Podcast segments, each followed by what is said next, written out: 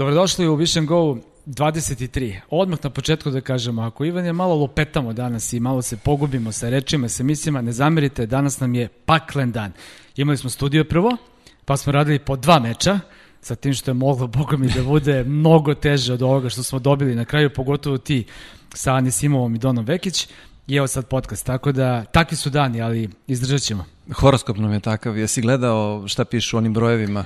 Šta, šta nam danas stoji? Naporno u svakom slučaju, Vidim. ali Počeo sam da tražim. izdržat ćemo nekako. Počeo sam da tražim i odmah sam odustao, vidi. Misterije broj 23. Prvo što se našao, simbolika ovog broja na prvi pogled nije jasna. Povezuje se sa nesrećama, masovnim umiranjima, sektom iluminata. Nemoj, nemoj, zaboravi, gotovo, stavi gotovo. tačku idemo, idemo sa tenisom. 23. doviđenja. Pusti. Ako možemo da preskočimo 23, ja bih volao, ali izdržat ćemo ovako. Neka nam Ovaj. bude 23 uh, u mislima Jordanovog broja na Bravo, dresu, tako da je to bravo, okej, bravo, ono, onda, bravo, onda bravo, nije pa to je, sporno. Eto, Bogu, to je, to je onako pozitivan kontekst broja 23. Kad sam bio klinac, imao sam u, u sobi onaj poster, ono njegovo, znaš ono njegovo čuveno kucanje kad je sa kapice skočio, ne znam koja je utakmica bila, to je bio neke, to je bila A neka dobro, tu 81. siluetu druga. koriste A, stalno. nije, nije, nije potpuno ista. Mislim da to nije taj trenutak. Mislim da to nije taj trenutak. Ali nema veze, Ali to je liči, stvarno bilo. znamo na što se misli. Da. Ok, naravno, uh, US Open, to je ono što je, što je centralna tema današnje emisije. Uh, I o Rimu ćemo pričati normalno, ali pre svega moramo da čestitamo Miši Kecmanoviću na prvoj ATP tituli i jako nam je drago što je čim je izašao iz ove naše stolice, došao na teren i osvojio prvu titulu. I pričali smo o tome kada nam je bio gost i pominjali smo tu Antaliju i njegovo prvo finale i, i, i e, zapravo igru na, na, na travi gde nije uopšte očekivao da će se desiti tako dobar rezultat i eto upravo si čim se malo otvorilo, čim se onako, čim su se kockice poklopile, evo Miše je došao do, do trofeja, najavili smo i on je sam najavio da bi to moglo vrlo brzo da se desi, iskoristio situaciju i sve čestitke na, na trofeju Kitzbühelu. Mm, Da, velika šteta što nije bilo srpsko finale, jer je Laslo Đere Malo je falilo. i malo je falilo, izgubio od uh, našeg drugara Janika Hanfmana, koga smo prvi put videli kad je igrao onaj, kako se zvalo ono? Ona Bundes, neka Bundes neka nešto, Bundes nešto. ne znam, u Nemačkoj onaj egzibicioni turnir u dvorani koja je prokišnjavala. To je proglašnjavala, to je bio prvi turnir uh, zvaničan koji je odigran nakon što je proglašena korona. Tako da, ajde, da ne kažem da, da, da, da, da smo baš ovi umirali dok smo radili, jer ipak kao gledaš neki tenis, ipak znači nešto, ali ovaj, nije baš bilo ni previše ovaj, onako preveliko uživanje. Pa dobro, da, to je, to je bio taj e, zapravo finalni meč, međutim e, Miše je igrao stvarno jako dobro kroz turnir, e, na kraju krajeva Nišikorija, u kakvoj god formi u ovom trenutku Nišikorija da se nalazi, to je ozbiljan skalp i njega je dobio u, u, u na početku, na početku takmičenja, tako da naravno onako može samo da se kaže kapa dole za, za Mišu Kecmanovića i, i, i neka bude sve onako kako smo najavili zapravo u podcastu kada je gostovao, samo prva od mnogih. A, Miša se tako sada priključio, a, dobro, naravno Novaku, a, Lajeviću, a, Đereu, a, Trojickom, Tipsareviću, podsjeti me, ko je šao za titulu od srpskih igrača? Sam rekao Lajević. Jesi, Ducija si pomenuo, on je umag uzeo, uh, Fića fali sa titulom, Fića valjda fali će se i to desiti. Ko mi je promakao majku mu? Znam da ima šest igrača sada koji su osvojili titule, Pa Miša šesti. Pa možda na šest, tako je stvari, da. A, šta, šta je poenta? Zaista, a, jesi mogao da, da, da, da, da sanjaš tako nešto da će se desiti? Pa u principu ne tako rano, da budemo, da budemo onako objektivni, ali e, definitivno zasluženo. Već neko vreme se kuva i priprema situacija da bi, da bi manje više svi onako koji su dobro rangirani od srpskih igrača pre svega mogli da dođu do trofeja. E, pričali smo mnogo puta o tome tamo 90-ih i, i početkom 2000-ih čak nismo mogli ni da naslutimo da bi bilo šta slično moglo da se dogodi, ali evo u jednom trenutku smo imali 50 e, u, u, Pet u u, 50. 5 u 50, tako je, tako da uh, ovo je zaista onako kosmički uspeh, čini mi se, srpskog tenisa i generalno boom tenisa u regionu, zato što i ostali igrači iz regiona igraju fenomenalno i, i prave dobre rezultate. Uh, e sad, da li je to bilo očekivano ili nije, nadali smo se, u svakom slučaju smo se nadali, da li je moglo ranije, možda jeste, ali definitivno je velika stvar. gde ćeš ranije, čega ranije, ovo što se Ne, u desilo je- poslednjih 5, 6, 7 godina recimo. Ovo je nenormalno Znaš, što i, se i desilo. Miša je, ajde, mlad, 21 godinu, Fića, eto, nije ni mnogo stariji. On je, on je koliko, 27, 8, on je 92. je li tako? 92. Uh, e, e, tako da, ajde, možda je moglo pre koju godinu, ali naravno nikad nije kasno za ovako veliki rezultat i u stvari ja volim da, da, da verujem da su se stvari desile baš onda kada je trebalo i u pravo vreme, tako da je to Ti si već okej. romantičar, naravno. Ove, e, ti si išao u osnovnu školu kad sam ja počeo da radim u sportskom žurnalu i kada su mi dali da radim tenis i tada je Bojan Ju Vujić bio najbolji igrač uh, Savezne republike Jugoslavije, tako se tada zvala država i bio je u tom trenutku 400 i neki na svetu. I onda su mi ovi iz redakcije žurnala zavitlavali, o super ti sport. Ko je 400 na svetu? Ozbiljno svaka čast. U, ala nam je tenis jak. A košarkaši, odbojkaši razbijaju, ubijaju. Ja rekao, te sam se uhvatio ovog tenisa nesrećnog, zar je moguće da sam ja baš taj ovaj baksus koji će to da radi, zato što je tenis u to vreme, znači ne foliram se, imao status hokeja na ledu. Ajde, recimo da ne preteramo. Ne, nepoznate priče. Ne, potpuno, potpuno. Ni znači, blizu kakav je status imao 80-ih kada je kada je SFRJ još Tako pravila je. one dobre rezultate Tako u, u, Davis Cupu. Bila je ta euforija uh, sa Bobom i rezultati u Davis Cupu u Pioniru i tako dalje i onda se sleglo, pa je došla Monika, pa se to malo podiglo i onda je opet bio jedan potpuni, potpuni pad i uh, zaista tada nisam mogao da sanjam, ali da sanjam u najluđim snovima da će neko igrati ATP turnir, a kamoli da će, desi, da, da će se desiti ovo, a nismo pomenuli ni Jelenu, ni Janu, ni Zimonjića i tako dalje i tako dalje. Da, da, Dobro. da. Zaista Ajde. onako plejada ozbiljnih e, rezultata teniskih svetskih. Ovo je bio kratak komaž, onako jednom samo, samo ovaj, jedno, jednoj maloj zemlji koja ima rezultate ni iz čega, bez infrastrukture, bez prave tradicije, postoji naravno tradicija, ako niste gledali emisiju sa Čika Ivkom Plećevićem, pogledajte, jako interesantna priča kako se nekada igrao tenis na ovim prostorima, ali bez podrške vlade, bez podrške dakle, države, saveza, naravno, neverovatno, ali dobro, ajde. E, znaš, e, podatak, evo sada mi je palo na pamet, kažeš bez prave tradicije. Tamo 20 i neke. E, Dunđerski je igrao tenis i igrao je u Švajcarskoj u Štadu i čini mi se da igrao čak i neko, neko finale i nešto slično. Tako da eto, imali smo, imali smo predstavnike, naravno tada, tada je igrao za Kraljevinu. Uh, jer je to bilo aktuelno u tom momentu, ali eto, bilo je, bilo je tu i tamo povremeno nekih momenata dobrih. Dobro, ajde, ras, e, raspričali smo se mi na početku, a tema emisija je Potpuno e, suprotno. divlji zapadni istok. Uh, tako? Zašto istok? Istok, istočna obala, New York, Manhattan, odnosno nije Manhattan nego Queens. Do Manhattana igrači nisu ni stigli jer, jer nisu mogli. A divlji zapad pa sve malo i podsjećalo na, na neki haos. Uh, relativno uređeni haos ali ni blizu onako kako, kako u principu može da bude. Ono što smo mi videli kao, kao posmatrači, kao navijači na kraju krajeva, mi smo dobili taj teniski meč, ali onako u vrlo čudnim okolnostima. Pa dobro, da, mi smo na kraju dobili taj finalni proizvod. Ono što vidiš, kao kada glumci pre predstave prođu kroz, kroz, na šta, a ti ne znaš, ili mi komentatori pre ulaska u kabinu ko zna šta doživimo, a ljudi to nemaju pojma, tako i igrači kad izađu na teren, mi zaista ne znamo šta se izdešavalo sve u tom bablu, u tom balonu. A informacije koje dobijemo su zaista onako bile jako, jako interesantne. Uh, mnogi teniseri su imali pregršt primetbi na organizaciju i na sve ostalo. Kiki Mladenović je recimo tu, čini mi se čak i prednjačila. Ovaj, uh, ali uh, sad opet sa druge strane, Majstore, došao si tu da igraš tenis i znao si šta te čeka. Dakle, znao si da za tebe nema dve nedelje, 20 dana, nema života osim tenisa koji, by the way, nije loš život, jer zarađuješ ozbiljne pare tako što ćeš da trčiš ovaj po terenu, ali uh, uh, verovatno, ne da sad branim organizatore, ali verovatno je bilo ekstremno teško organizovati tako nešto u ovakvim uslovima. Dakle, tu nema se dileme. E, jeste bilo ekstremno teško. Međutim, e, sve se na kraju dana, čini mi se, svodi na novac. E, US Open je ozbiljno profitirao od ovog turnira i e, znam informaciju spletom okolnosti da su inkasirali neto 60 miliona dolara, da su zaradili u plusu Od čega? od turnira. Misliš, USTA. Sponzorski TV Sve prava i komplet, tako da. tako je. 60 miliona su uzeli. Da su još 5 miliona, a to govore igrači svi, ne samo oni koji su navikli možda na neke uh, luksuznije uslove, nego apsolutno svi, čak i oni, a ime i njih, moramo ih pomenuti, koji su došli samo da pokupe prize money, čak su se i oni žali da su od tih 60 miliona samo 5 miliona još više na, na igrače potrošili. da bi bilo sve mnogo drugačije i mnogo bolje. Da, pa ne, e, u principu jedan Grand Slam turnir zaradi, zavisi, nekoliko stotina miliona dolara, evra, funti, kako god.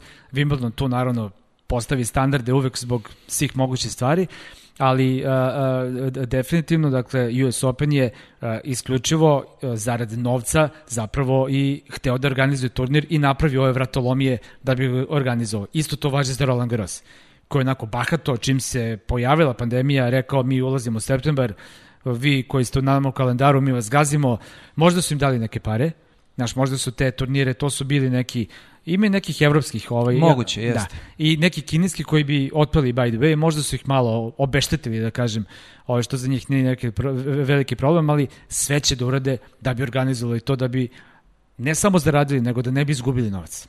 Tako je. I e, naravno morali su da, da, da nekako nateraju igrače da dođu. Govorim sada o US Openu, podigli su prize money, e, konkretno za prvo kolo je e, e, bilo, bila nagrada 61.000 dolara. Naravno minus porez, ali opet ostane, ostane e, tu dosta novca. Jesu oni uložili u sve, uložili su u, u hotel, samo plaćanje hotela per diem ih je došlo nešto oko 2,5 miliona dolara ali kažem u celoj toj priči, ok, nisu zaradili par stotina kao što su navikli, zaradili su 60, ali mogli su, eto, 10% još tih para uh, da daju na, na igrače. A šta, kako da daju Da bude drugačije.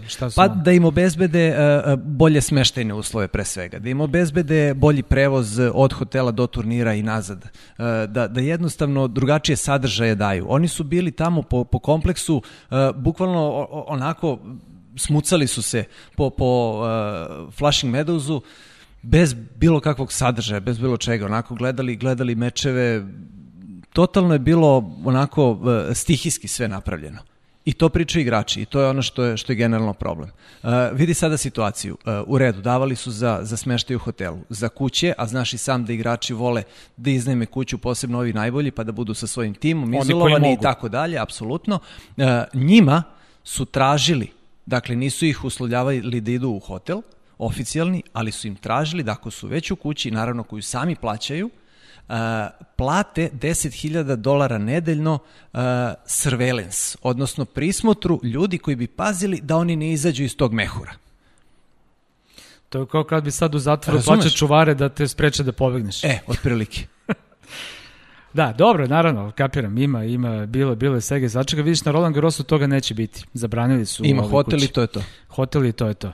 Vidjet ćemo kako će to da funkcioniše. I dalje, evo, juče smo dobili ovaj, tačku na turnir, a, završena su finala, dobili smo nove šampione, Osaku i a, Tima, ali koliko god da pričamo o tim pobednicama, opet će tema broj 1 biti, što nismo ni sumnjali da će biti drugačije, naravno, eliminacija Novaka Đokovića. Evo, prošlo je E, nedelju dana, 8 e, dana konkretno od tog trenutka, a strasti se skoro ne stišavaju. Evo i tebi, meni i dalje, non stop ljudi pitaju na ulici, imali smo prošli ovaj e, podcast koji, koji vidim da su ljudi jako gledali, gde smo manje više rekli zaista sve ovaj, što smo imali da kažemo i na to i nema da se doda sada nešto novo.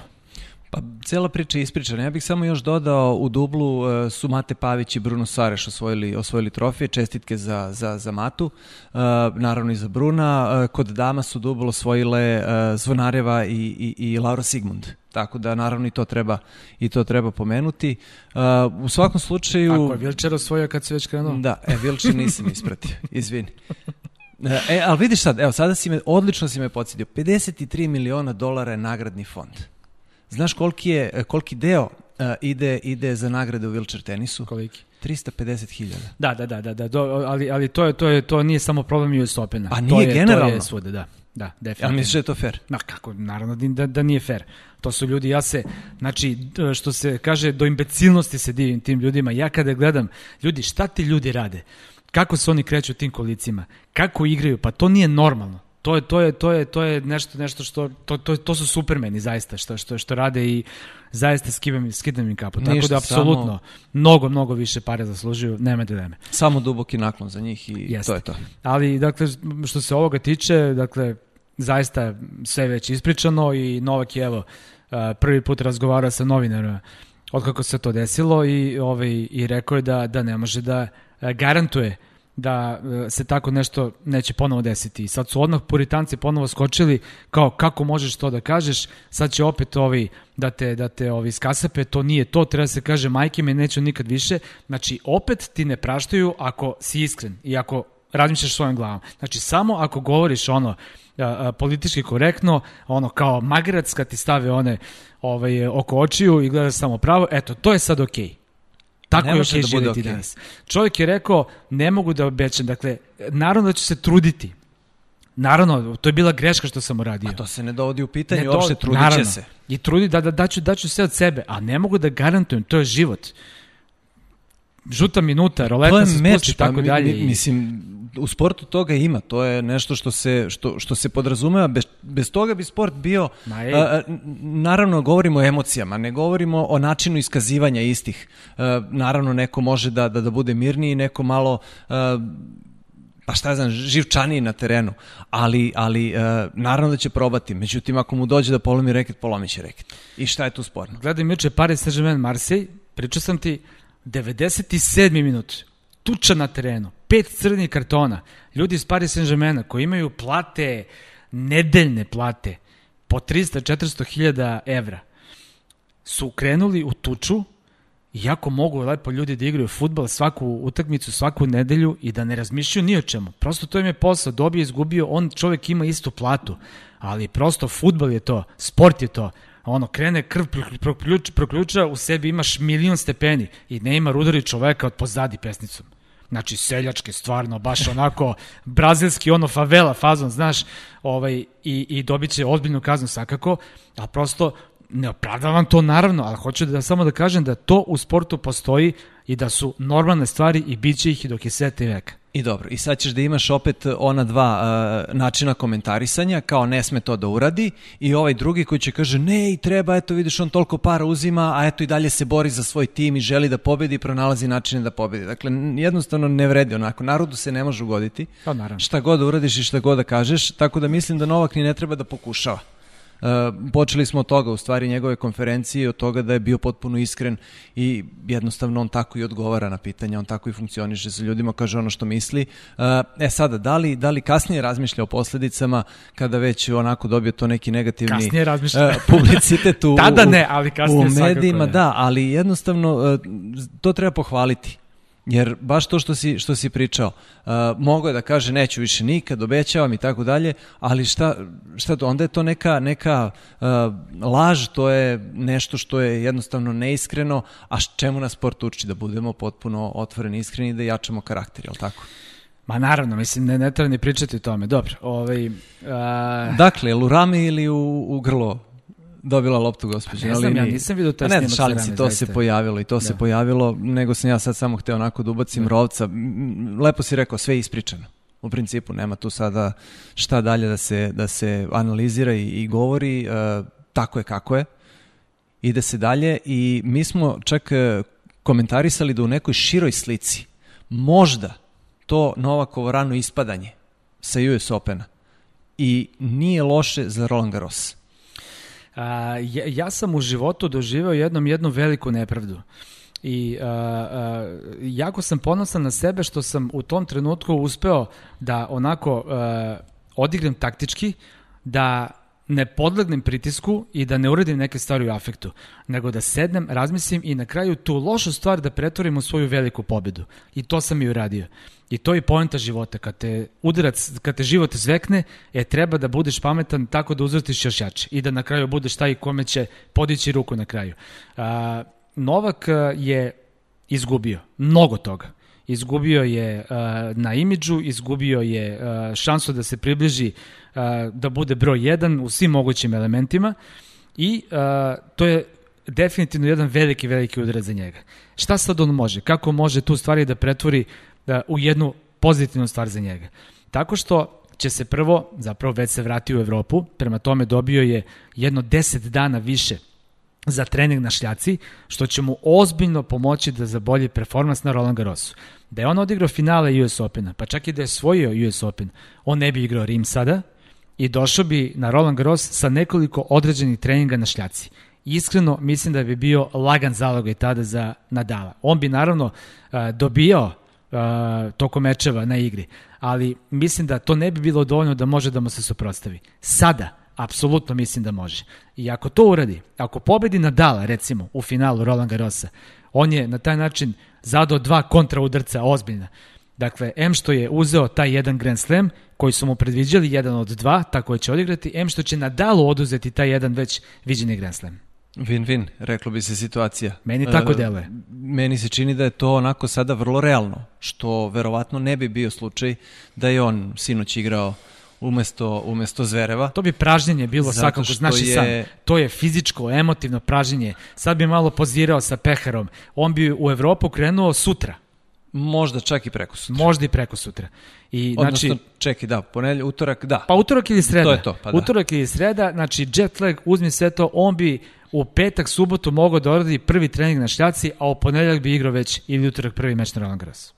Da, tako da toga ne bi bilo ništa i unako nekom, nekom širem uglu i, i sagledavanju mislim da je to uh, totalno ok. Uh, pomenuo si Novak prvi i to me sada asociralo 310 nedelja je Federer bio na prvom mestu, Novak je danas počeo da broji Samprasovu 286. Pa na, na, na dan finala, ako bude sve kako treba u Rimu, on će zapravo odraditi te poslednje sate na trećoj poziciji, odnosno deleći drugu poziciju i prestići Sampras.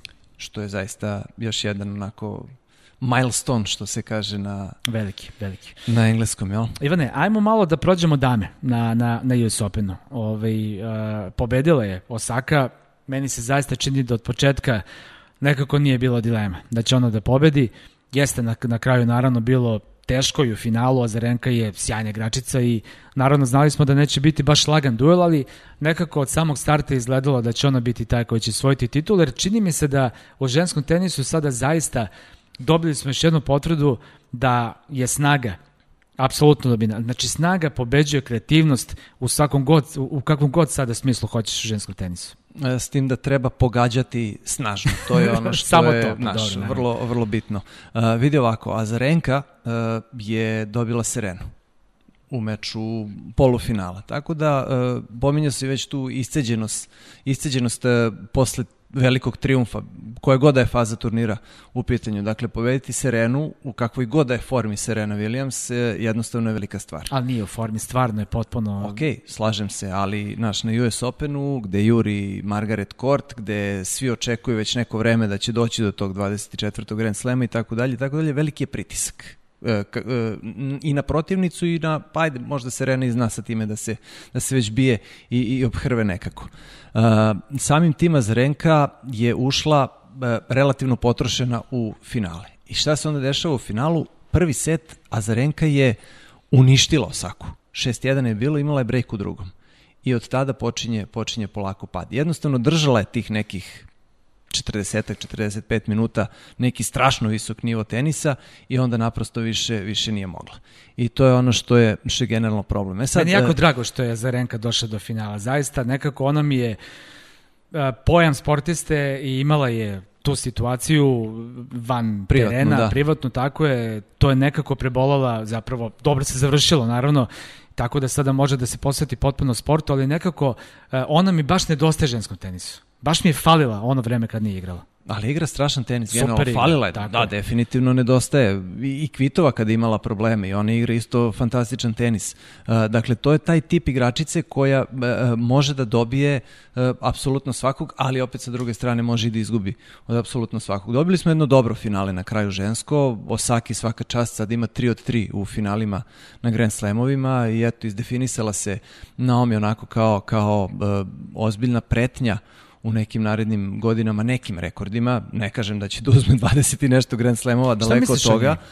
Uh, pa ne znam šta bih ti rekao. Uh, iskreno, ako sada mogu tako navijački da kažem, ja sam navio za Azarenku u finalu. Dobro, jasno. Nije mi se dopao uh, Osakin potez u Cincinnatiju, odnosno za vreme tog, uh, trajanja tog turnira, bez obzira što se igralo na, na Flushing Meadowsu. Uh, ako mogu te prekinem, uh, meni njen potez ok, ali mi se nije dopalo kako je reagovao tako turnir. Je, tako je, upravo da. si, to sam, to sam htio da kažem. Apsolutno on ima pravo na svoje mišljenje i ima pravo uh, da, da se bori za sebe i za ono što misli da je ispravno. Uopšte ne, ne dovodi ne zna, to u pitanje. Ko, ko ne zna čemu se radi, uh, uh, Osaka je uh, odlučila da ne odigra meč polufinala i onda se sve onda sve stalo i uh, organizatori turnira i WTA i ATP deo turnira su se složili sa tim i ne samo da nisu suspendovali na Saku što bi bio normalan potez, nego su ovaj odlučili da ovaj te, ceo ceo uh, turnir pomere za jedan dan.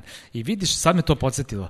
Vidiš koliko sad to, znači tu smo okej. Okay. Sada tu možemo da igramo mimo pravila. A kod Novaka nismo mogli. E, o tome se radi. O tome se radi. A čak od Novaka i nije, ne, ne bi bilo igranje mimo pravila. Dakle, siva zona, to smo definisali. Tako je.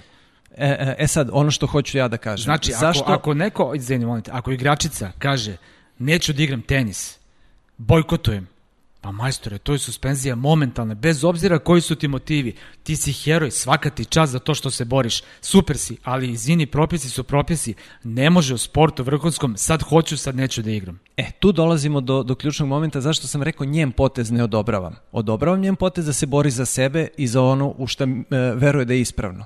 Ali, ako si ti odlučila da bojkotuješ, onda bez obzira na to odlaganje, i igranje polufinalnog meča u petak, a ne u četvrtak kako je trebalo, onda si ti odustala od turnira. Tako je. Idi do kraja i kaži onda na taj način glasno i jasno svoj stav. E ne, sad ste kao vi postupili kako ja hoću, odložili ste za dan, e sad u četvrtak ne mogu da igram, ali u petak bi mogla da odigram. Mnogo igrači Pa su se čekaj. iznervirali zbog toga, mnogi. E, ja o tome, Azarenka, ja o tome i- govorim. Azarenka je bila jedna od njih. Ali niko nije hteo da kaže sada ljudi to nije u redu, pošto bi odmah bili razopeti kao rasisti svi od reda. Ali vidiš šta se u Azarenkinoj državi dešava? Da. Jel tako? da. Pa ništa. Pa ništa. Pa da. Znaš, dakle, mo može i ona da ima, e, naravno ne ulazim u njeno mišljenje, uopšte ne ulazim ko je tu pravu, ko je u krivu.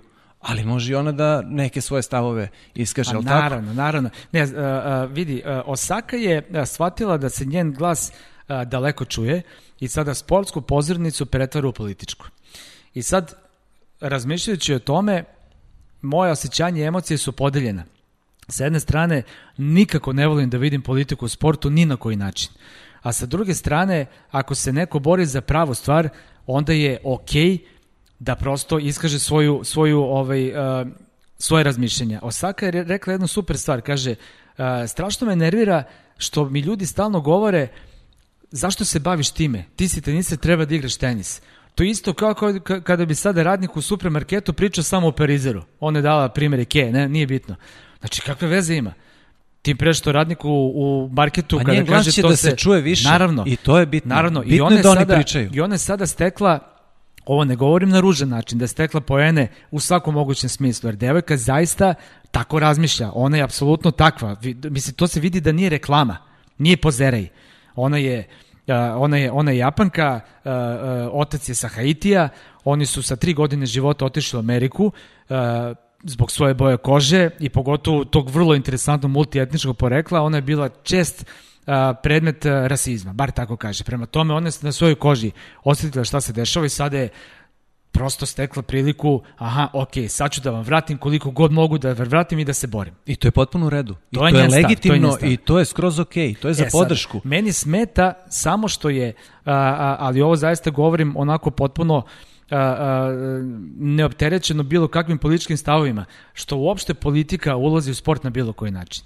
Ne ide mi, ne ide mi, i to ne pričam o onim, onim banalnim stvarima kada predsednici ovaj, a, dočekuju ove šampione naši slikaju se i tako skupljaju ove jeftine i bedne političke poene, nego pričamo upravo o ovim stvarima kada igrači eto prosto se, se bave tim stvarima na taj način. Tako i oni gube energiju, Osaka očigledno ne da nije izgubila energiju, nego je to pomoglo da se onako još više napuni. Ona je rekla da je tokom lokauta a, a, sedela, razmišljala, slegla misli i da je verovatno shvatila šta treba da radi. I onda se desio a, George Floyd i tako dalje i na kraju smo dobili tu situaciju. Ne, ne, sve, sve je to okej, naravno kažem treba se boriti za sebe, ali opet e, treba imati neki, neki odnos i odgovornost prema drugima koji se eto bave istim poslom kojim se ti baviš. Dakle, e, gde je tu, gde je tu bilo kakva trunka e, ideje da, da, da budeš kolegijalan sa, sa ostalima na, na VTA turu.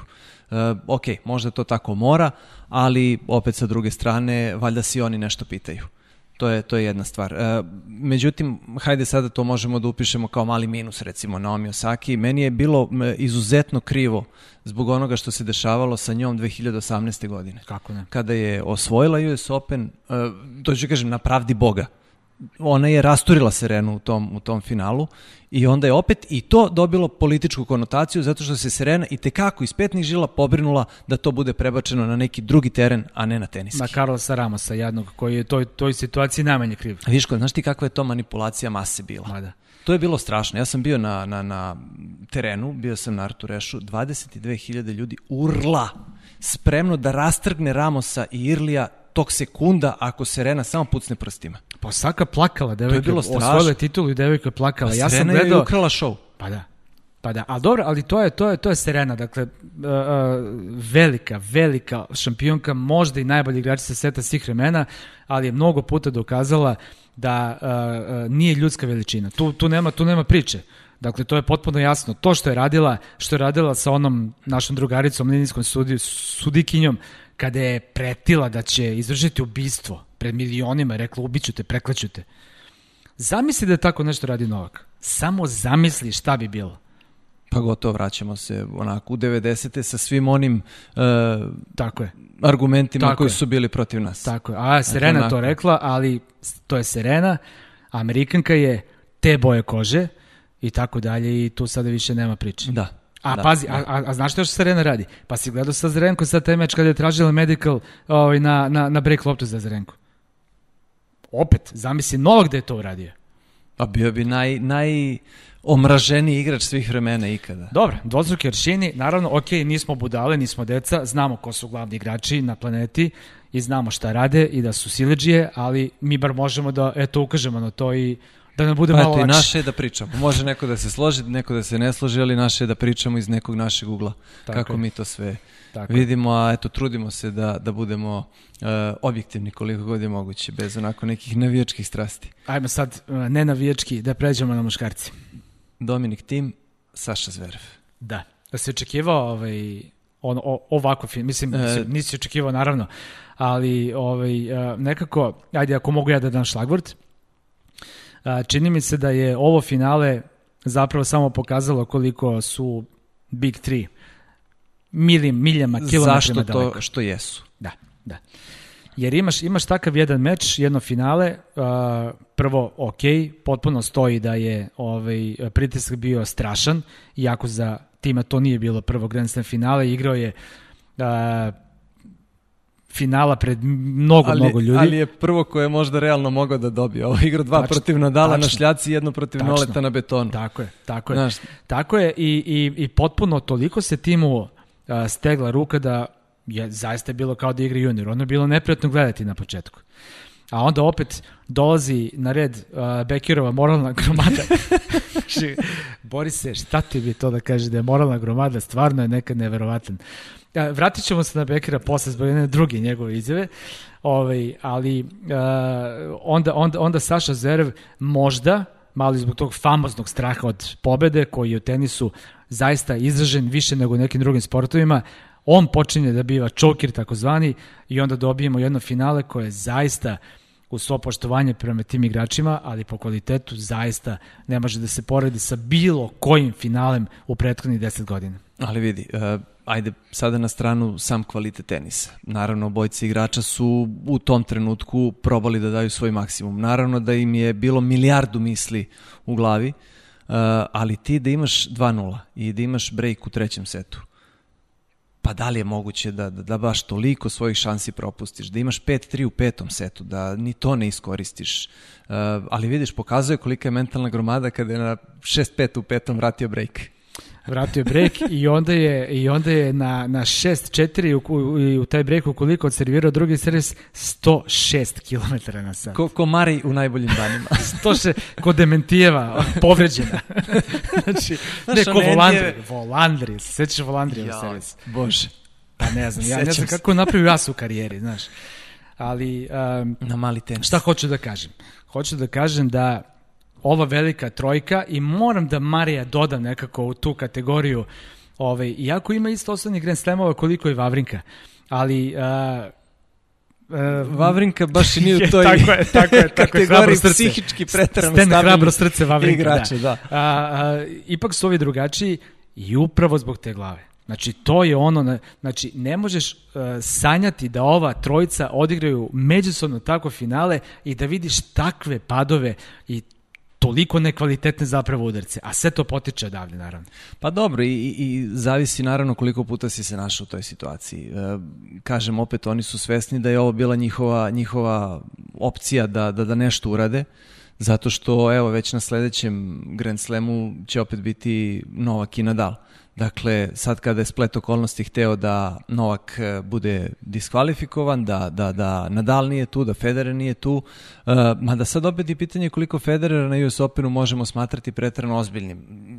Da me ne shvate ljudi pogrešno, on je uvek ozbiljan, ali da li je to baš taj nivo igre da moraju toliko da ga se plaše, uh, to je pitanje, ali ova dvojica još uvek su onako uh, jaki, dobro, sad i Nadal na betonu polako posustaje, čini mi se, međutim čim tebi Novak jedan nije u turniru, odme tu tebi šansa da, da nešto napraviš. I samim tim što dobijaš šansu, uh, samim tim uh, počinješ da razmišljaš o tome, ok, sad je to opcija, ali šta ću ako to ne uspe, šta ću ovako, šta ću onako, znaš, i onda opet uh, počinješ da razmišljaš o, o koje čemu, o, o, o razno raznim scenarijima, konsekvencama, Zašto? Postupcima. Zato što je tenis sport u kom ima tih mnogo mrtvih perioda. To je ono što ljudi koji ne igraju tenis ne znaju. Tako je. Mozak znači, se igra s tobom. Tako je. Mozak se igra s tobom, ti odigraš poen, pa onda imaš opet 20-25 sekundi da razmišljaš, pa imaš 90 sekundi na changeoveru, pa dok se pripremaš za, za, za poen. Pa evo, ti si, ti si izneo taj podatak, čini mi se, uh, finale Wimbledonsko, koliko je trajalo, govorim naravno onom između Novaka i Federera, uh, koliko je aktivne igre tu bilo? Od momenta kada se na servis udari lopta nisam, dok traje poen. Nisam ti rekao za taj, za taj meč, ali znam da meč koji traje, ne znam, 5 setova, može aktivne igre da traje 15 minuta ima i tih primjera, ovo je bilo nešto preko sat vremena aktivne igre, dakle da se lopta prebacivala. Ostalo sve, zamisli sad ona četiri ostala sata, šta je njima sve bilo u glavi? I kakva su to nadmudrivanja pre svega sa samim sobom, razmišljanja sa samim sobom, e onda i o tome šta ćeš da odigraš, kako ćeš da odigraš, u, kojoj fazi meča se nalazi tvoj protivnik, gledaš padove, uspone, oscilacije, šta bolje radi, šta ne, pa se onda sećaš one pripreme koje si odradio sa svojim timom, pa statistika, aha, ako mu sada gađam na backend, pa da li mu je bolje išao backend uh, toko meča ili Dobro, nije, da, da. Znaš, mislim, pa jasno je, jasno je. Uh, dovoljno, Zamisli koliko je tu pitanja sam. Dovoljno što je Novak rekao da je u tom finalu samo čekao da dođe do taj brejka. Svaki pa set, da. samo da dogovoram do taj brejka kaže i znam, dobijam. I dobio. Sva tri taj brejka dobija.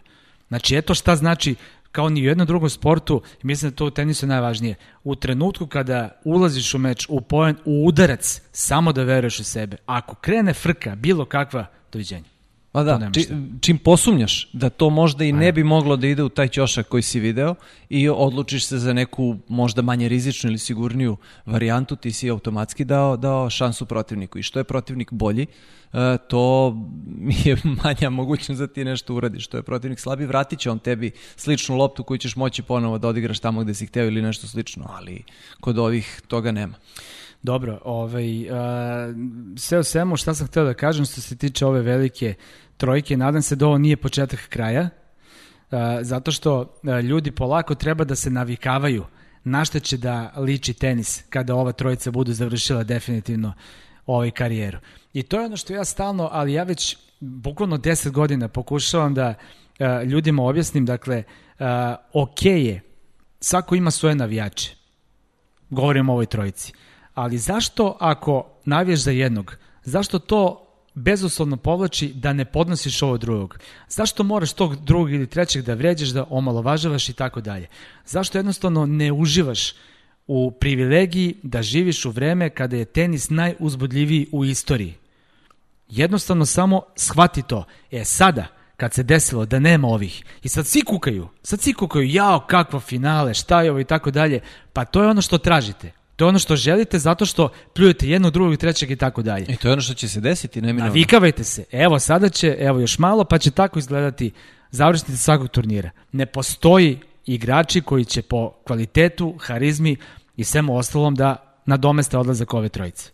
Tako da još malo vremena ostalo još malo vremena i uživajte u svakom međusobnom meču, uživajte kad igraju ova trojica između sebe, navijajte za svog čoveka, ali prosto uživajte jer još malo pa nestalo. Ali vidiš, nije to samo kod nas da ne podnose onog drugog naravno, ili trećeg. Naravno, naravno. Nego, nego je to generalno svuda u svetu. Ja uvijek uzimam primjer Wimbledona i, i Federerovih meč lopti.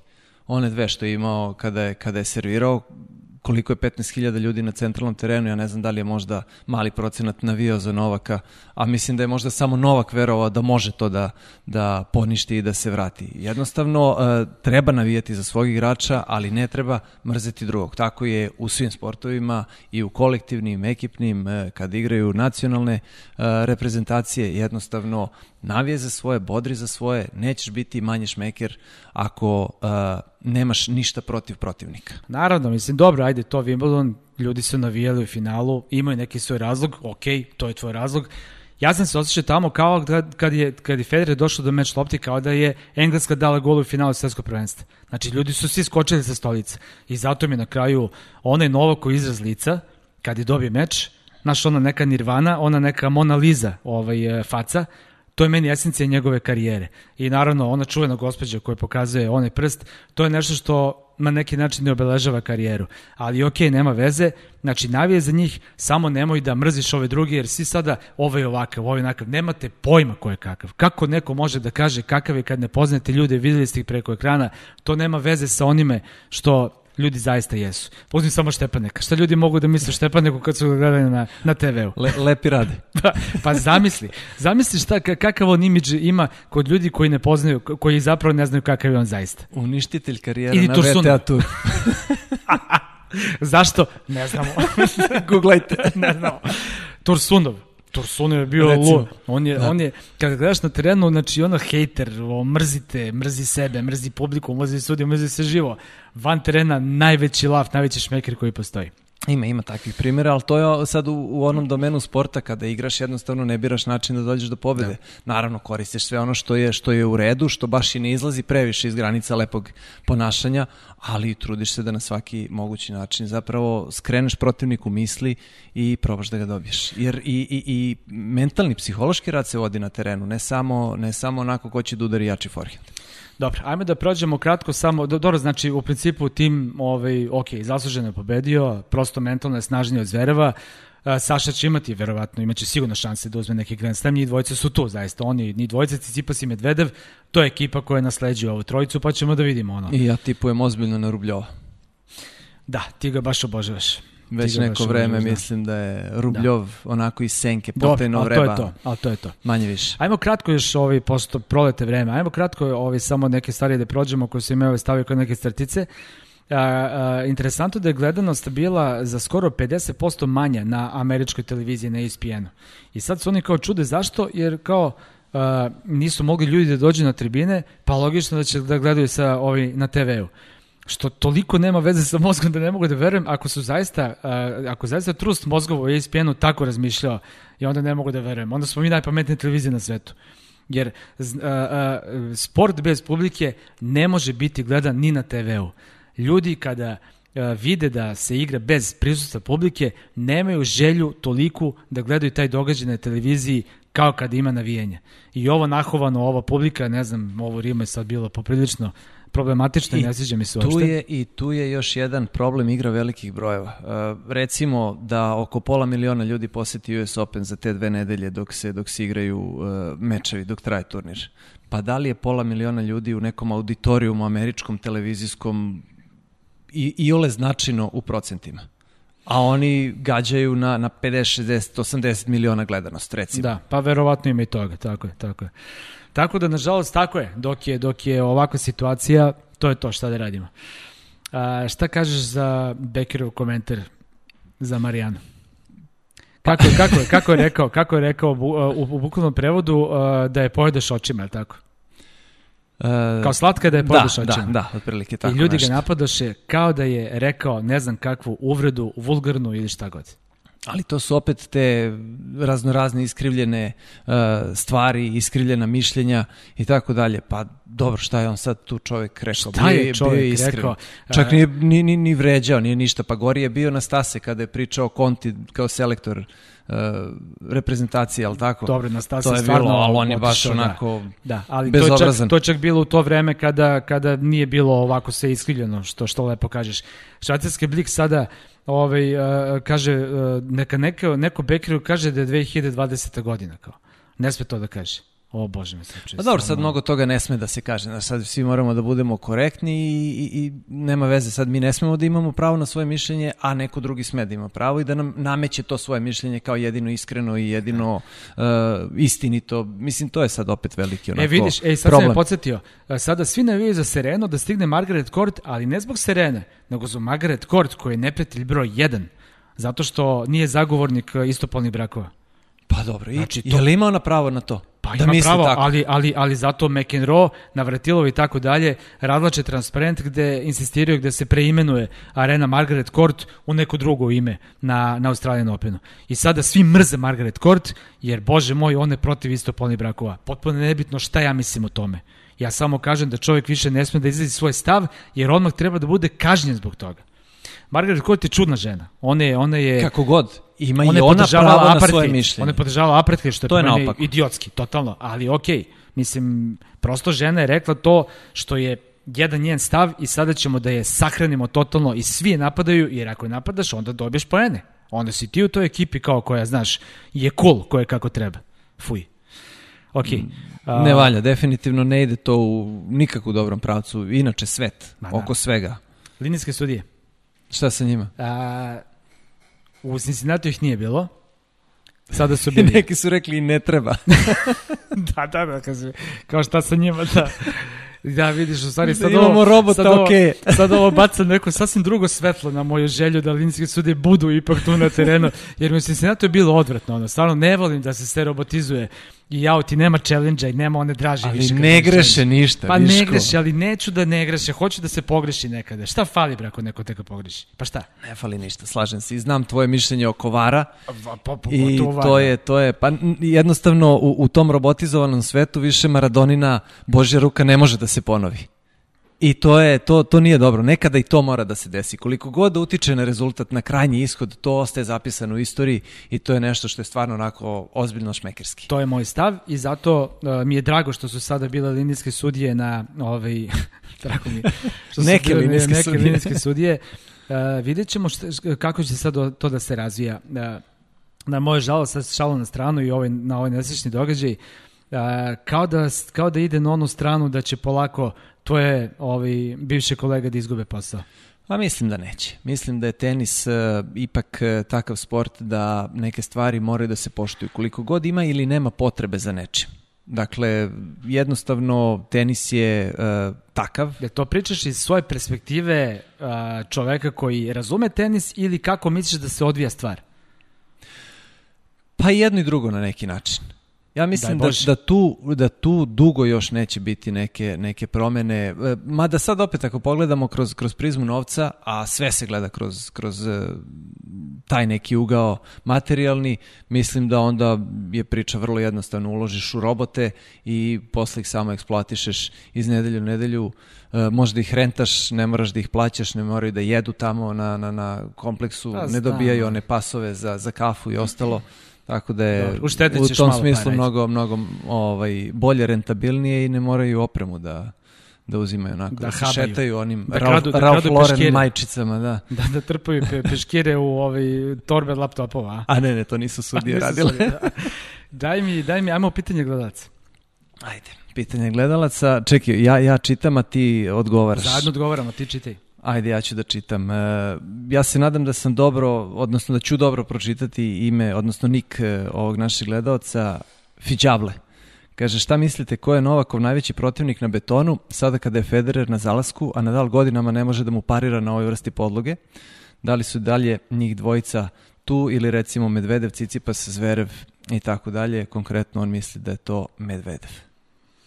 Sa kazino tenisom, onim da. udri sve snage, ako ne ide ti onda tuci još jače. Fićable je u pravu manje više, samo ja bih tu samo rekao jednu stvar, a to je da a, podloge više nisu podloge, nisu više kao što su bile i sad e, i taj beton toliko varira. Jedina šljaka ostala manje više ista, mada i tu postoje naravno razlike u brzini i kvalitetu šljake. A, trava, znamo već, nije ni blizu brza kao što je bila, a beton toliko varira. Dakle, tu zaista imamo betone, betone, be- betone koji su na uh, nivou šljake brzine i koji su brži od trave. I to US Open su sporili odnosu na prošlu godinu za neki 15-20%. Eto. I to možeš lagano onom A Cincinnati smesom... su ubrzali za 25%. Eto, i to možeš onom smesom kada, kada farbaš teren da, da jednostavno kontrolišeš i visinu odskoka i granulaciju, Da. odnosno trenje koje, koje podloga daje To ćemo da lopti, pričamo to je- emisiji, to je interesantna tema. Hoćemo, po, po, da, po, da. po- pozabavit ćemo se ovaj podlogama, ali da, I onda beton, možeš to da koriguješ kako ti odgovara. Da.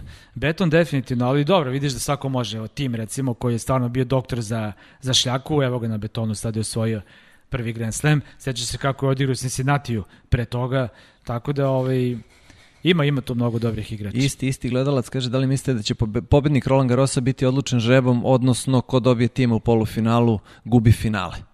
To bi onako moglo da bude jedno zanimljivo stanovište, jer kogod da naleti na tima u polufinalu, bit će onako jako fizički iscrpljen za finale ako prođe tima. Da, sa tim što Nadal može da igra sa timom u polufinalu. Pa dobro, kogod da naleti na tima, gubi finale. To je, to je bila onako konstatacija i to je isto onako potpuno... Nešto ne verujem ako Nadal odigra, da će to njega da umori mnogo da, ga, mnogo da mu smeta. Joj, jer se sećaš onog Australijan Opena, igrao je, igrao je Nadal polufinale sa Verdaskom. Kako Jedva ne? je završio meč i posle sutradan, uh, da, igralo se dan za dan, čini mi se, tuko Federer u finalu. Kako ne, ono je bio najbolji verdatsko meč u karijeri koji je odigrao. Ono je bilo Opet ludilo. izgubio. Ono je bilo ludilo. Da. da li bi Novak to mogao da, da iskoristi, odnosno da li bi trebalo da, da sve karte baci na Rim ili da eventualno fokus bude Roland Garros? Pa nema tu, kod Novaka nema to sad kao, sad ću da, da ovi, On kad ka, igra, kanališem snagu. Naravno, on će Rim da odigra, a, apsolutno mu treba da odigra maksimalno. Treba mu titula jako i na kraju krajeva ima nedelju dana pauze između Rima i Roland Garrosa. Prema tome, neka ovu nedelju sada iskida, tako treba svaki, svaki meč po tri sata. Ali ako osvoji turnir, mnogo ćemo značiti, a bit će fizički spreman za Roland Garros bez problema. Ma da, i oporavit će se, dakle nije, Naravno. nije to uopšte pod znakom pitanja. Pavle Marić uh, je pomenuo ESPN i njihovog uh, poznatog komentatora, Steven Smith je u pitanju, koji je rekao da zbog situacije sa koronom i svime ovime što, što se desilo čitavom svetu, naravno i igračima, izolacija, rizik po zdravlje, pritisak i tako dalje i tako dalje, da su bili možda i mnogo nervozniji nego što bi inače bili na mečevima i da je to razlog zašto je, zašto je Novak odreagovao tako kako je odreagovao i da je trebalo da se kazni mnogo, mnogo blaše. Pa mislim da ima ima ovaj argumenata u tom pitanju apsolutno. Pa to smo i dotakli na kraju Jesmo, krajeva. Ne znamo, jesmo. ne znamo šta se sve ljudima dešavalo tamo. Ali to nije samo ok. Uh, shvatam point u pitanje, ali ne treba da se priča o tome samo kad je bubble, samo kad je ova specifična situacija. Uh, tenis je individualni sport. I mi nikada ne znamo kako je na koju nogu ustao taj igrač i šta mu se desilo tog dana. I da li su mu javili da mu je dete bolesno. I da li je, ne znam šta, da li ga je taksist iznervirao, da li je išao taksist u taksiju koji nema klimu. Na primjer, Recimo, recimo. da.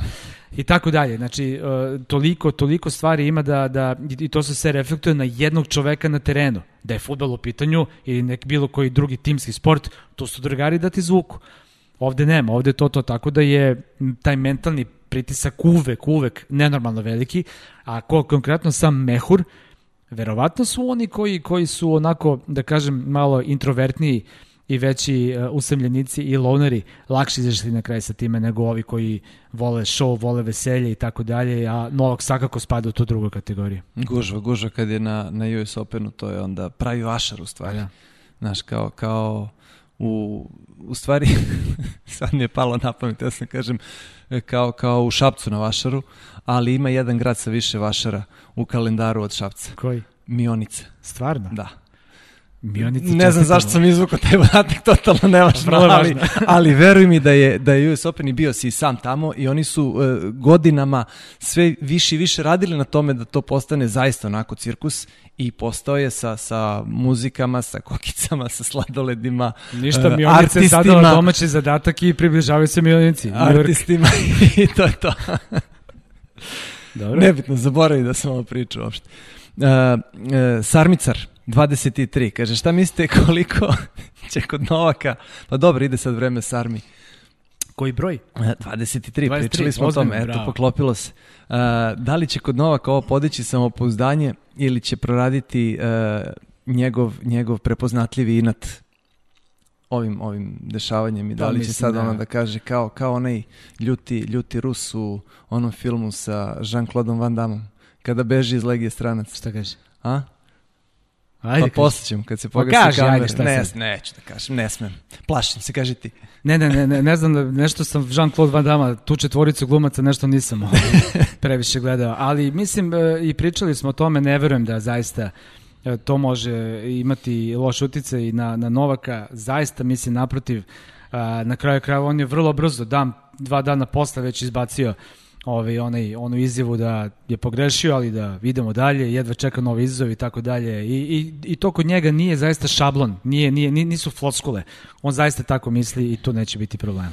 E sad, ovo je jedno pitanje za, pa čini mi se, mnogo para, zato što mi da to znamo, bi bismo sigurno uložili nešto i na kraju, ono, za par godina, kada ovi završe karijeru, onako samo brojali iz nekog poreskog raja šta smo zaradili. E, kaže, šta mislite koliko će Grand Slamova uzeti Novak, Rafa i Roger? To jest koliko će još trebati Cicipas u timu Medveda u Zverevu da ih skinu sa To je? Sarmicar isto. Ne, to je David e, Stiljković.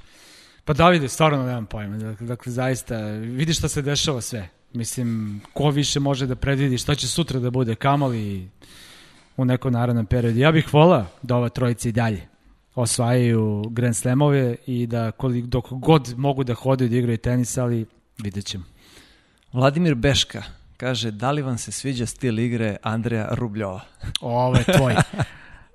Gospodin Beška je tvoj. E, Verovatno mu se sviđa čim, te, čim, čim, čim pita ovaj, to. da, i pozitivan je odgovor, apsolutno. Pa A mislim da ti deliš to mišljenje. Ti ga mnogo više voliš od mene, mnogo više. Ja, ja, ok, dečko strašno igra, stvarno nema šta, ali nešto mi, sada me pitaš šta mi smeta kod njega, ne bih mogao da ti kažem nešto konkretno, ima sve. Stvarno ima sve. A, možda zato što nema harizmu. To je možda, to je možda malo i bez veze, ali nekako nedostaje mi, nedostaje mi kod tog momka nešto da kada ga gledam da navijem za njega, eto. Ali ima tu, tu neku dozu te, tog, tog, šta ja znam, sportskog pomračenja svesti. To je te, Možda. te drskosti, to je skroz ok. Da. Naravno, igra tenis, fantastičan. Uh, random person. Uf. Da li se čujete sa ostalim kolegama iz sport kluba iz drugih država, na primjer Slovenija? Gde je baš Slovenija, nema veze, radi sport klub i na drugim Slovenija, mestima. Da, ali... da, ali, ali sa, sa Petrom Pevcem svakako. Pere je naš stari drugar i čujemo se često i Petar relativno često i dođe u Beograd. Videli smo se u Zadru baš, kao smo bili sada ovaj poslednji put. Ovaj, I sa drugim kolegama, naravno iz Hrvatskog sport kluba sa uh, Cvijom, sa Nenadom Cijanovićem. Ajde da mu ne poručujem bilo šta, jer svašta bi sada mogao da mu kažem. E, znaće ono čemu Znam, se radi. znam. Da, pa dobro, da, Pera Pevc, e, mi smo čak nešto i, i sarađivali oko nekih wild karti za neke ITF-ove, on tamo meni u Sloveniji završavao z neke moje igrače. Trange, a njemu frange, ovde balkanske, nešto- a? Ma da, ma bilo naravno, nešto. Znaš, koga ti poznaješ, Ma a naravno. evo, može onda. Tako da, da, aktivnu komunikaciju imamo On je zapad. Dobro. aktivnu, aktivnu komunikaciju imamo sa, sa kolegama iz drugih Da, i ostale kolege su tu republika. da ih, da ih sad naravno ne, ne nabrajamo sve. Tako je.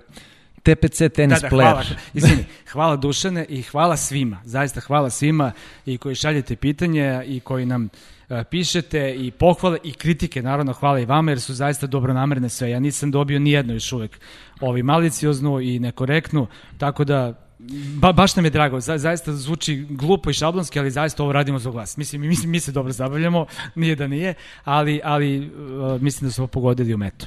Uh, upravo si, slažem se. E sad, kolike su šanse, dakle, kaže TPC tenis player, da uh, bude više ATP i Challenger turnira na Balkanu ili da, na primjer, bude jedan turnir gde bi se domaćin menjao svake godine Beograd, Zagreb, Sarajevo i tako Tu dalje. si mi dao neku žišku pre Dao sam ti žišku, ovo. dao Da. sam ti žišku, radi se na tome, dakle ne može još ništa da se priča, ali vrlo uh, dobre stvari se događaju i u sjajnom pravcu ide, trebalo bi da bude Futures i Challengera i trebalo bi da uh, ti igrači koji ovde igraju sa onako vrlo finim prize manijem mogu da naprave lep rezultat.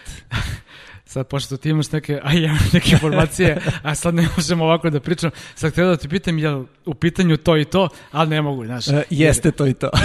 Jer, jer, jer, dobro, da, i, i uh, ja sam pričao sa biće, nekim biće, ljudima, on, to je važno da će bude. trebalo bi, zaista bi trebalo užasno je što ih nema. O tome smo i pričali već više puta u našim podcastovima. Da, i postoji neki dugoročni plan, ozbiljan dugoročni plan da se da se sve to onako postavi na neke zdrave noge i tako dalje, ali u, u procesu je. Tako da eto dok se dok se ne završi cela priča, uh, mislim da ne treba govoriti previše o tome, lepa je najava. To je ono što je bitno. Naravno, nije sad o tome da mi glumimo ludilo i da želimo da budemo misteriozni, nego prosto kao kada se vrši neki ozbiljan transfer u futbolu, ne treba objavljivati jer uvek može neko da uskoči i da pokarambasi se. Ide, ide u dobrom smeru, to je ono što je, što je suština. Eto, Dobre. to je, čini mi se, pravo, pravi odgovor na, na ovo pitanje. Šta mislimo, kaže Ivan Romek, odnosno pita o karijeri Borni Ćorića?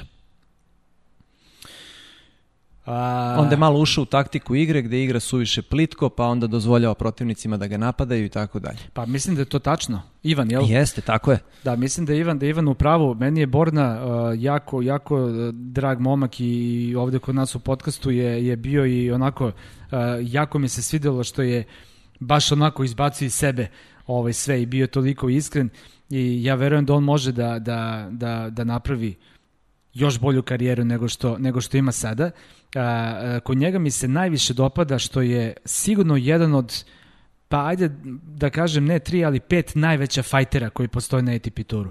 Znači, taj njegov stav, ono, da se nikada ne predaje... Fererovski u stvari, tako da. Tako je, to je baš onako, ono, na, ma, ma, bukvalno kakav god je rezultat do kraja, on će da stisne onu pesnicu i da gura sebe do maksimuma i to je super stvar. A sada zašto ovaj, su problemi ostali, ne znam, to zaista može da se priča dugo i naširoko, da li su tehničke prirode, prirode ili su mentalne prirode ili je sve to zajedno ovaj, povezano to je već onako ozbiljna tema. A dobro, on je dosta rano u karijeri imao probleme sa povredama, ona kolena po operaciji i tako dalje. Toga je onako sa, nekog, sa neke prave staze sklonilo na određeni vremenski period, ali čini mi se da se, da se Borna vraća. Jednostavno tenis kakav igra zahteva telo 100%, Jest, tako je a ponekada njemu telo nije 100% i on je toga apsolutno svestan i samim tim što zna da kondicioni nije toliko dobar, onda ni nema poverenja u sebe, pada samopouzdanje i jednostavno glava, glava i fizika vuku jedno drugo ili na gore ili na dole, a kod Borne je to do sada bio slučaj da je malo, malo padao, ali eto splet okolnosti da je njegovo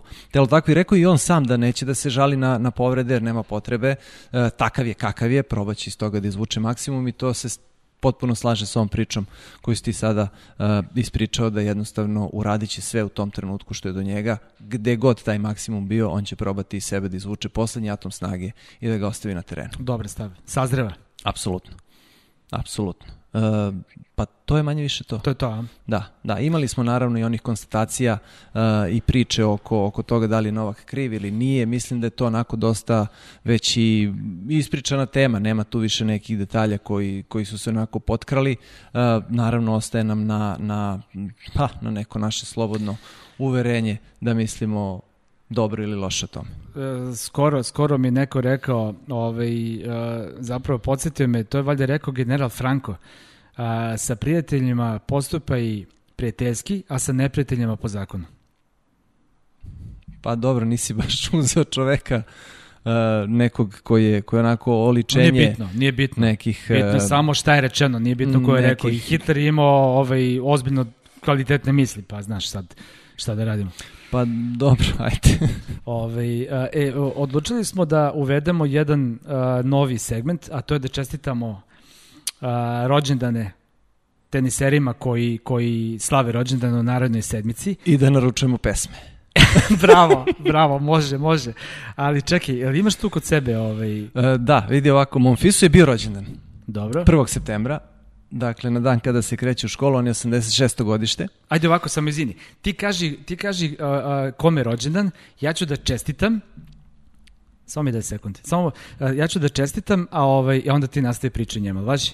Tako da budem uh, na brzak. Gael Monfils, 1.9.1986. Uh, Gael, bon anniversaire. Au, poliglot. Čekaj, da, ali imamo neko kineza? Ne, ajde, ajde. Čekaj, čekaj. U, Dominik Tim, tu ćeš da budeš dobar, zato što si nekada znao nemački. To i ne moram da gledam. Dominika... A, a, Dominik Alles Gute Zunge Bogstag. Ich nicht verstehen. Ich bin serbischen turist. Znam koje reči znaš. Sram te bilo. Dakle, tim 3.9.93. Eto, do, sam je sebe počastio čovjek za rođendan, uh, napravio, napravio najveći rezultat u, u karijeri do sada. Feliciano Lopez, il, ali da ostavimo za sledeću emisiju, Viško.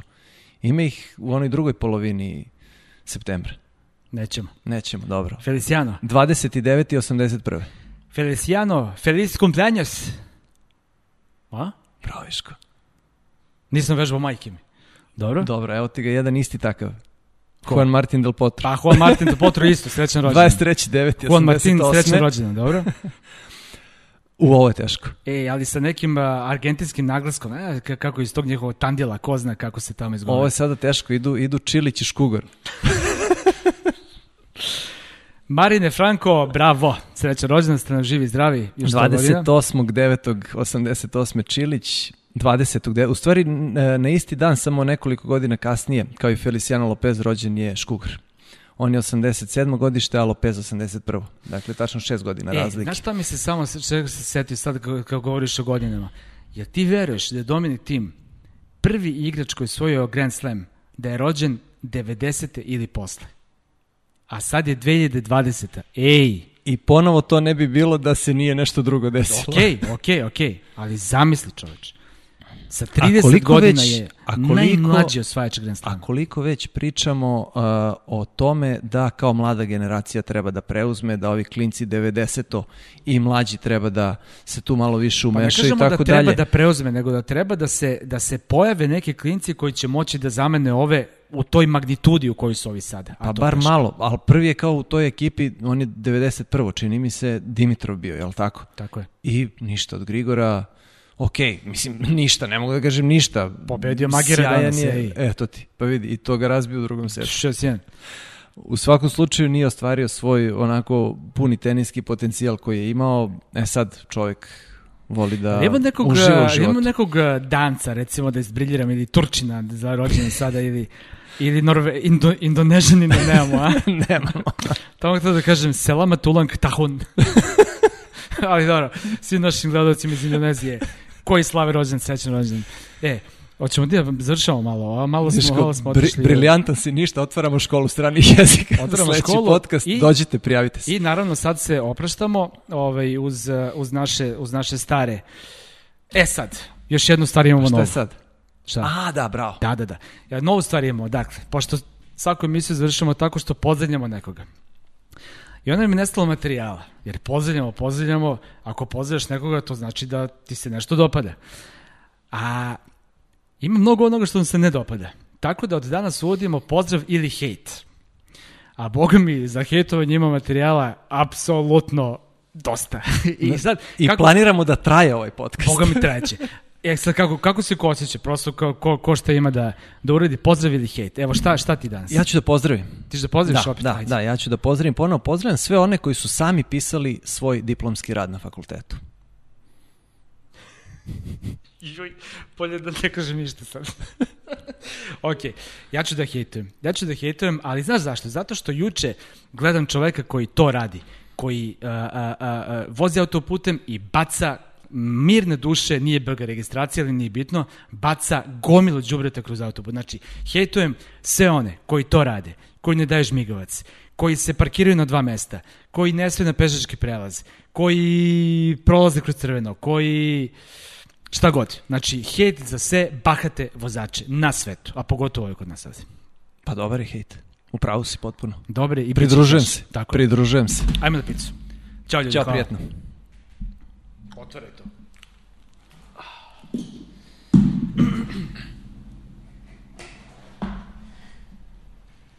Opet luka ovog tog čoveče. Pa to je ta. Pa jeste, ali misli drugačije. Mm. Pa ćeš da skineš luk? Neću.